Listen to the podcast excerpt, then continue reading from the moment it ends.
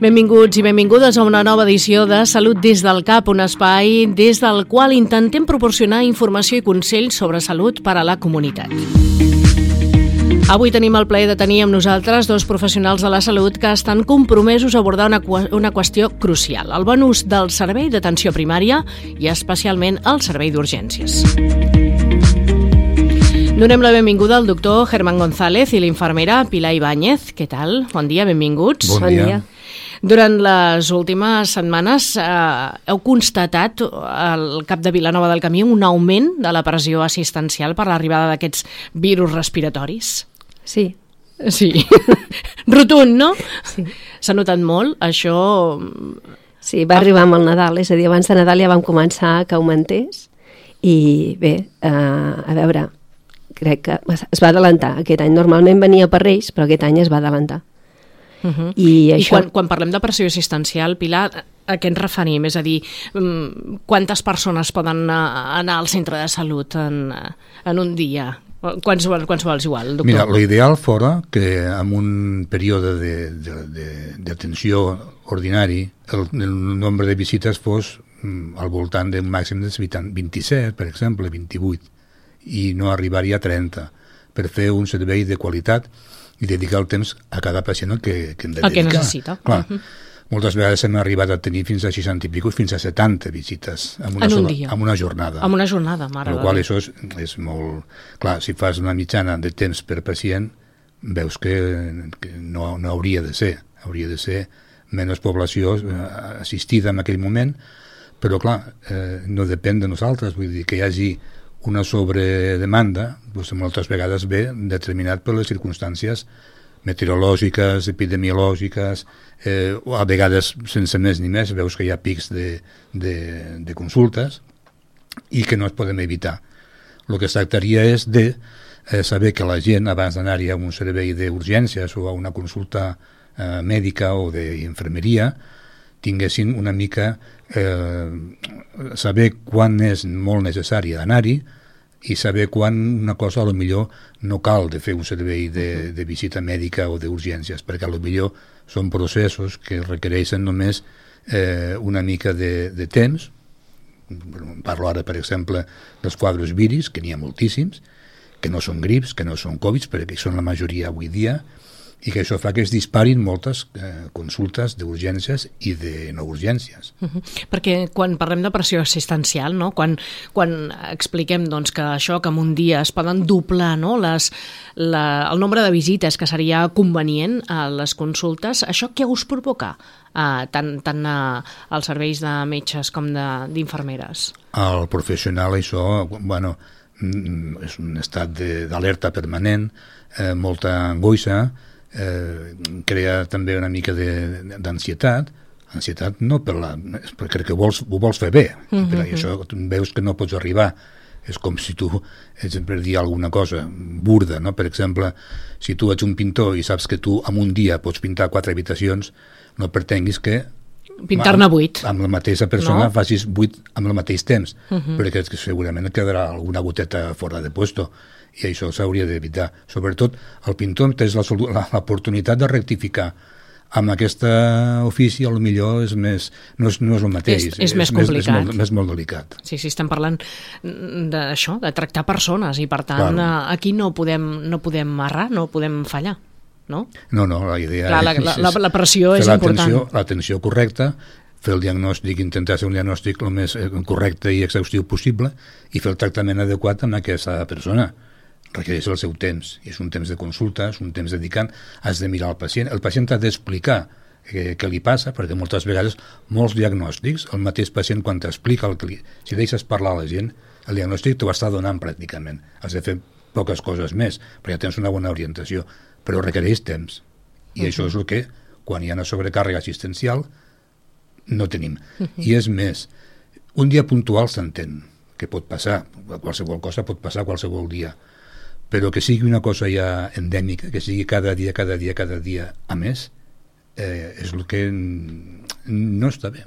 alguna hem de canviar. Hem de canviar, hem de canviar. Uh, um, voldria demanar-vos, perquè ja ho heu comentat a, a l'inici, no? a dir, quan seria necessari eh, doncs anar al centre de salut, quan seria necessari anar, per exemple, al servei d'urgències. Expliquem una mica a la gent, perquè de vegades eh, diem, és cosa de sentit comú, sí, però a vegades no.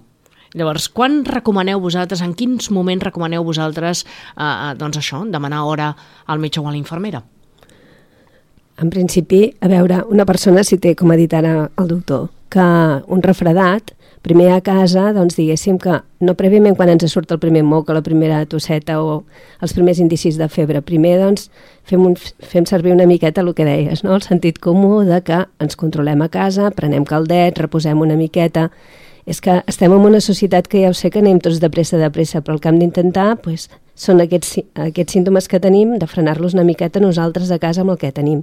Caldets, doncs no m'agrada dir marques, però utilitzar doncs, algun antiinflamatori, algun antitèrmic per fer-nos baixar la febre. I si veiem que passen un parell de dies i aquesta febre doncs, eh, persisteix, persisteix uh -huh. doncs, o augmenten, no? o, o els símptomes augmenten. Sí. Doncs llavors consultar. Però una cosa és important és, per exemple, si tenim dificultat respiratòria, si tenim, doncs, que veiem que, que, que ens falta l'aire, llavors sí que consultem el mateix dia, però si no, doncs esperem donem oportunitat a dos, tres dies per veure com evoluciona. Com ha dit el doctor abans, hi ha símptomes que refredats durant l'any n'estem, però hi ha refredats que es poden passar perfectament a casa.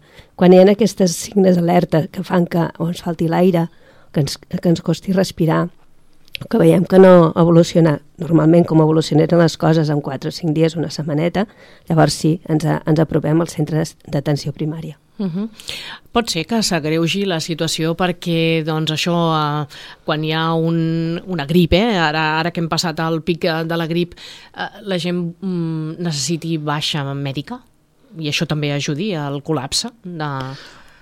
Les baixes, bueno, la baixa mèdica és una conseqüència d'un procés de malaltia o d'accident o, o, bueno, o una baixa per un motiu psicològic també, sí, que sí, també sí, n'hi ha. Sí especialment no, no, no es col·lapsa un servei per, les, per fer unes baixes. Per tant, no seria, no, eh? No. És a dir, si un necessita baixa mèdica, mm, mm, sí o sí ha d'anar al metge. Sí. Eh, es col·lapsen els serveis per, diguéssim, per un ús eh, de vegades massa molt accelerat, com comentava la Pilar. Eh, per exemple, quadres respiratoris, que és el que vindrà ara, el gener i el febrer, que és quan estarem amb el pic de la grip i també es veuen molts Covid, ara passa que el Covid ja no és com abans. Al gener al febrer pujaran les, les, les visites eh, d'urgències i, de, i, de, i de mèdiques normals. Pujaran perquè, perquè moltes a lo millor els primers símptomes de seguida consulten. I jo recordo que temps enrere eh, les padrines, quan tu tenies un refredat, un mal de cap, una tos, no cridaven de seguida al metge ni anaven corrents no, perquè millor feien, en aquell moment, no? l'aspirina infantil, que era el que hi havia, uh -huh. un, altre, un altre paracetamol de l'època, i amb això dos o tres dies la majoria de processos quedaven resolts, sense intervenció de cap professional. Mm? Quan passen aquests dos o tres dies i un procés respiratori, allò d'anar a millor, veus que va a pitjor, perquè comença a haver-hi febre molt alta, comença a haver dificultat respiratòria, sensació de fatiga o postració, o... llavors sí. Uh -huh. Però els primers símptomes, la majoria, són processos vírics que se'n diuen banals. Banals vol dir que són autolimitats i que curarien sols també sense cap intervenció. Per, per tant, quin seria el millor consell que podríem donar a, a l'audiència si, si, si patim una situació d'aquestes? Esperar una miqueta. esperar, esperar aquests parell de dies o tres a veure com evoluciona. A veure, hem de tenir en compte també l'edat de la persona, hem de tenir en compte uh -huh. si té malalties afegides, tot això. Però sí, principi... pot, sí pot complicar-se, no?, sí, el quadre, pot... el quadre sí, mèdic. Però en principi mm, a veure, tots hem tingut doncs, una miqueta de refredat, hem tingut una miqueta de cansament, hem tingut una miqueta de, de febre i diem, de tos, de, de tos, dos, tres uh -huh. dies, ens esperem, veiem com evoluciona. Que evoluciona correctament? Perfecte. Que no? Pues, llavors, que vinguin al centre d'assistència primària. Que no vagin, et diuen, no, és que, és que potser me'n vagi a l'hospital. No, l'hospital són per coses més grans. A veure, amb coses que, que necessiten un altre tipus d'atenció. A veure, hem d'utilitzar les coses segons, és que és el que dèiem en sentit comú. Venim al cap, quan, no, quan veiem que el nostre procés no evoluciona com hauria d'evolucionar, venim, demanem hora, venim.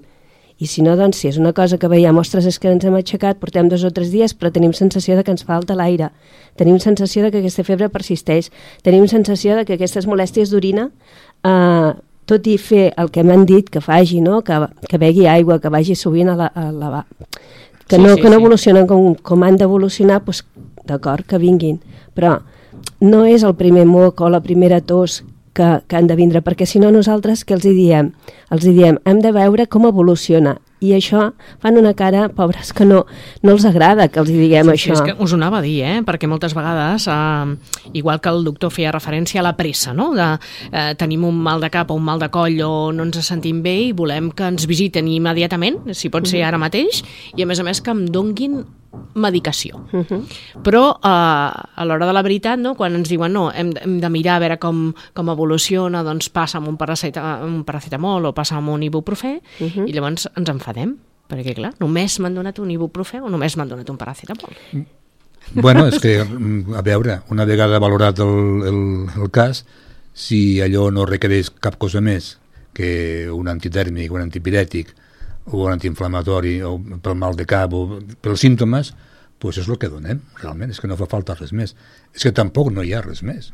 Uh -huh. és que Perquè a més a més són processos vírics És i aquests major- processos vírics tampoc no necessiten ni antibiòtics ni altres medicacions. La majoria d'infeccions respira vies respiratòries altes eh, són processos vírics. Les otitis també, la majoria són processos vírics. Les faringitis també no són tot angines de donar penicilina. També són processos vírics. I la majoria, un percentatge altíssim, pues és un tractament simptomàtic i el cos ja s'encarrega d'eliminar el virus a través dels anticossos, a través del teu sistema immunitari. Vull dir, si no fa falta antibiòtic, no fa falta.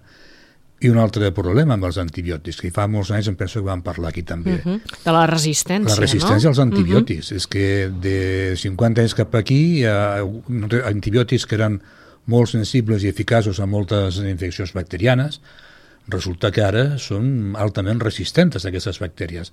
I ho hem promocionat nosaltres, bueno, nosaltres i altres coses, eh? per exemple la indústria veterinària també té a veure amb això, eh, en aquest sentit però l'ús in, in, I- irracional sí, sí, que li diuen inadequat, no? Potser, d'antibiòtics incorrecte. Mhm. primer, que no solventes cap quadre segon, que al propi pacient li pots donar resistències perquè el dia de demà que li facin falta aquests antibiòtics no li serviran i per la societat també estan creant un, una alarma que d'aquí 50 anys uh -huh. igual ens trobem de que hem de revisar tot el sistema de tractaments d'antibiòtics perquè els que tenim avui dia, a lo millor la majoria no funcionaran.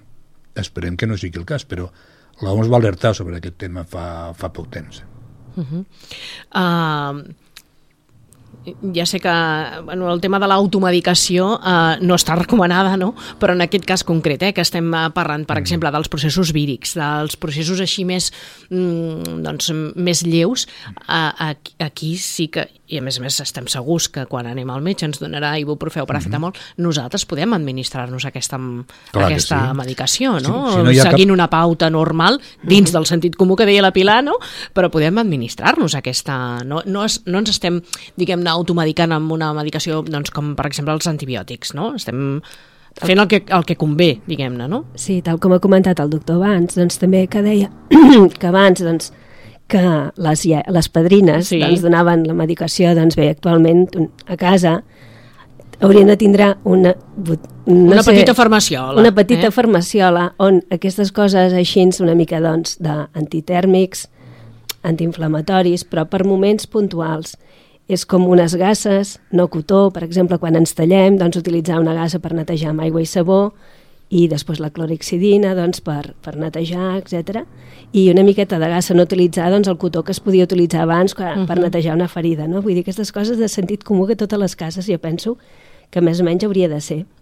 Per tant, mm, si vosaltres haguéssiu de fer o de donar eh, consells als pacients eh, perquè puguem contribuir a millorar els serveis eh, de salut i assegurar-nos que les persones que sí que els necessiten de veritat rebin l'atenció que es mereixen no? I, i que siguin atesos amb el temps que correspon, què els podríem dir? Que, quins, quins serien aquests consells? Bueno, doncs, consells. Primer, eh, cadascú ha de ser conscient de, de la intensitat dels símptomes que té. Eh, si tens esternuts i tens una mucositat i una mica de tos, això ja d'entrada suposa que no és un quadre molt greu. Si també tens una febre discreta i tens símptomes d'aquestos que són del mateix de mal de cap, de mal de, de congestió nasal, és el mateix. Són símptomes que no són greus. Símptomes que són d'alarma, doncs, bueno, doncs la febre molt alta, que dura més de, de dos dies en persones grans. Amb la canalla és diferent. Els crios poden arribar a fer febres molt altes també en processos banals. Eh? El que passa que com que tenen més predisposició a fer otitis i a fer altres patologies, doncs, bueno, eh, però també a les primeres 48 hores a població infantil és freqüent que tinguin febres altes. Doncs s'ha de donar la piretal, si no tenen cap contraindicació ni cap al·lèrgia, de donar la piretal o l'ibuprofeno, que és el dalsi que tothom sí, coneix, sí. que és l'ibuprofeno. Dalsi i piretal, que sí. són les marques comercials que coneixem. I a la gent gran el mateix. Eh, els avis, pues, és un tema pues, una mica més... Més complex, més però, pel que deia també la Pilar, no? que poden estar associades a altres Clar. malalties, ja, no? a altres, I altres no- patologies de fons. No solen fer febres altes, però amb unes febres de 37,8 on arriben a 38 ja t'ho has de mirar una mica, infeccions d'orina, pneumonies ocultes, s'han de, de, de tenir present. Però saber, la població general, que si tu tens símptomes que són lleus, o tens un mal de genoll, o tens un mal de les lumbars, no has de córrer directament, perquè mm, pensa també que hi ha un altre factor aquí, que les plantilles de metges i infermeres no estem al 100%. Eh? Moltes vegades estem al 50% o menys, amb la qual has de, has, de, has de treballar amb molta pressió més encara. Doncs eh, és això, és tenir el, el coneixement de que patologies que no són de risc vital no, no, no, no s'ha de córrer tant. I que si cal una visita al metge, doncs és una trucada i programar-la. I tant. No? I sempre tens l'oportunitat de preguntar, home, si tens un dolor abdominal a la, aquí al costat dret molt fort, que no que s'ha descartat un apendicitis, uh -huh. si tens un mal de panxa, una mica de diarrea, no cal anar-hi corrents. Uh -huh. vale? I el que dèiem, no? per exemple, ara que deia lo de la diarrea, per exemple, si hem fet una deposició diarreica, a veure, hem de mirar quin és el patró normal nostre, no? Si nosaltres anem cada dia, perfecte. Si anem cada dos dies, també hi ha persones que, que el seu patró és aquest. I si un dia aquesta deposició ha sigut més tova, no ens hem d'alarmar. Ens hem d'alarmar si aquesta deposició doncs, fos amb, amb productes que no, no toca, no? Hi hagués moc, caca o pu... Ai, perdó, moc o pus o sang. Uh -huh. Però això, diguéssim, que seria de forma puntual, llavors sí que hauríem d'anar-hi a un servei d'urgències, però si no d'entrada, si hem fet una deposició més tova de lo normal, fem una mica de, de dieta en aquell dia, si de cas, doncs el que tota la vida s'ha O, anat o, o fent. deixar de menjar, no? O Que deixar- moltes vegades diuen "Eh, l'estómac necessita descansar, no? La panxa necessita descansar. Bé, però, per exemple, coses molt àcides no les prendríem Mhm. aquell dia, o verdures, ho parlaríem. Es pot fer, bueno, vigilar una miqueta amb el que és amb l'alimentació. I si fos el cas que persistís, o com diu el doctor, doncs hi hagués un dolor molt fort, de, molt mal de panxa, eh, llavors, sí, però utilitzem... El sentit comú. Sí. És a dir, la, el, nosaltres tots, eh, si incloem nosaltres, que nosaltres també qualsevol dia podem ser també pacients o som pacients. Tenir present que eh, la, el que és l'atenció no és il·limitada, eh? Uh -huh. requereix eh, esforç i personal, que no n'hi ha. Esforç n'hi ha molt, personal n'hi ha poc. I que eh, és benefici per tots això. Per què? Perquè, com diu aquell refran, que entre col i col surt un enciam, no? Aquí és el mateix, vull dir, moltes patologies banals, però el dia que ve una patologia sèria, que és decisiva, que pot ser letal, que pot ser un infart massiu, pot ser una feridura... Poden ser patologies molt greus uh -huh. que requereixen atenció immediata i en aquell moment els serveis d'atenció estan ocupats atenent a un gran volum de coses que no són d'atenció immediata. Això el dia que tu te trobis, esperem que mai no ens trobem nosaltres en aquesta situació, el dia que tu et trobis amb un problema d'aquests i vagis a un servei d'urgències, tant a primària com a l'hospital, i estigui col·lapsat i vegis que el que van passant o que han passat són coses que no eren tan importants uh -huh. i que tu estàs esperant amb el teu infart d'allà a veure si hi ha algun bous disponible, pues això també s'ha de tenir en la ment de tots en compte, nosaltres. sí, sí. Tots, I, hem de, eh? I hem de pensar, hem de, Hem de ser una mica, una mica més generosos, no? S'ha de ser solidari, és una paraula molt manida i tal, però en aquest cas és que és la veritat. Doncs jo no sé si voleu afegir alguna altra cosa sobre el tema d'avui, el bon ús dels serveis d'atenció primària. Pilar? No, és que estava pensant en coses, per exemple, el que dèiem abans, no? Nosaltres estem per atendre, sí, però eh, i, i, i el, el que deia, el, intentar que les persones que realment necessitin que els atenguin ja, que podem fer a la primera, que no hi hagi... A veure, que la gent, doncs, en general, tothom, utilitzem els serveis en sense necessitat doncs, de, de, de col·lapsar els serveis, no? de, de fer un bon ús d'aquests serveis. Uh -huh. no? I que, a veure, si ens han fet una ferida, una ferida superficial, ho podem curar a casa. Si tenim dubtes, ja vindrem al nostre centre i parlarem amb la nostra infermera de referència i ho revisarem. Clar, si ens hem tallat el dit, doncs, a veure, hem de córrer tots aquí, no? I com deia, a veure, llavors, o si hi ha un infart, doncs també hem de córrer tots però vull dir, utilitzem, ja ho sé que ho he repetit moltes vegades, no? però fem servir el sentit comú i no col·lapsem els serveis. Doctor, no, jo crec una última que està, intervenció. No, jo crec que ja està tot ben, ben dit, vull dir que ara ja tot això, tot la resta depèn de la voluntat de tots nosaltres, de tots plegats, a veure. Doncs fins aquí el programa Salut des del CAP, eh, que fem eh, doncs, una vegada al mes amb els professionals del Centre d'Atenció Primària de Vilanova del Camí. Un plaer, com sempre, tenir-vos al programa. Gràcies. Gràcies. Gràcies.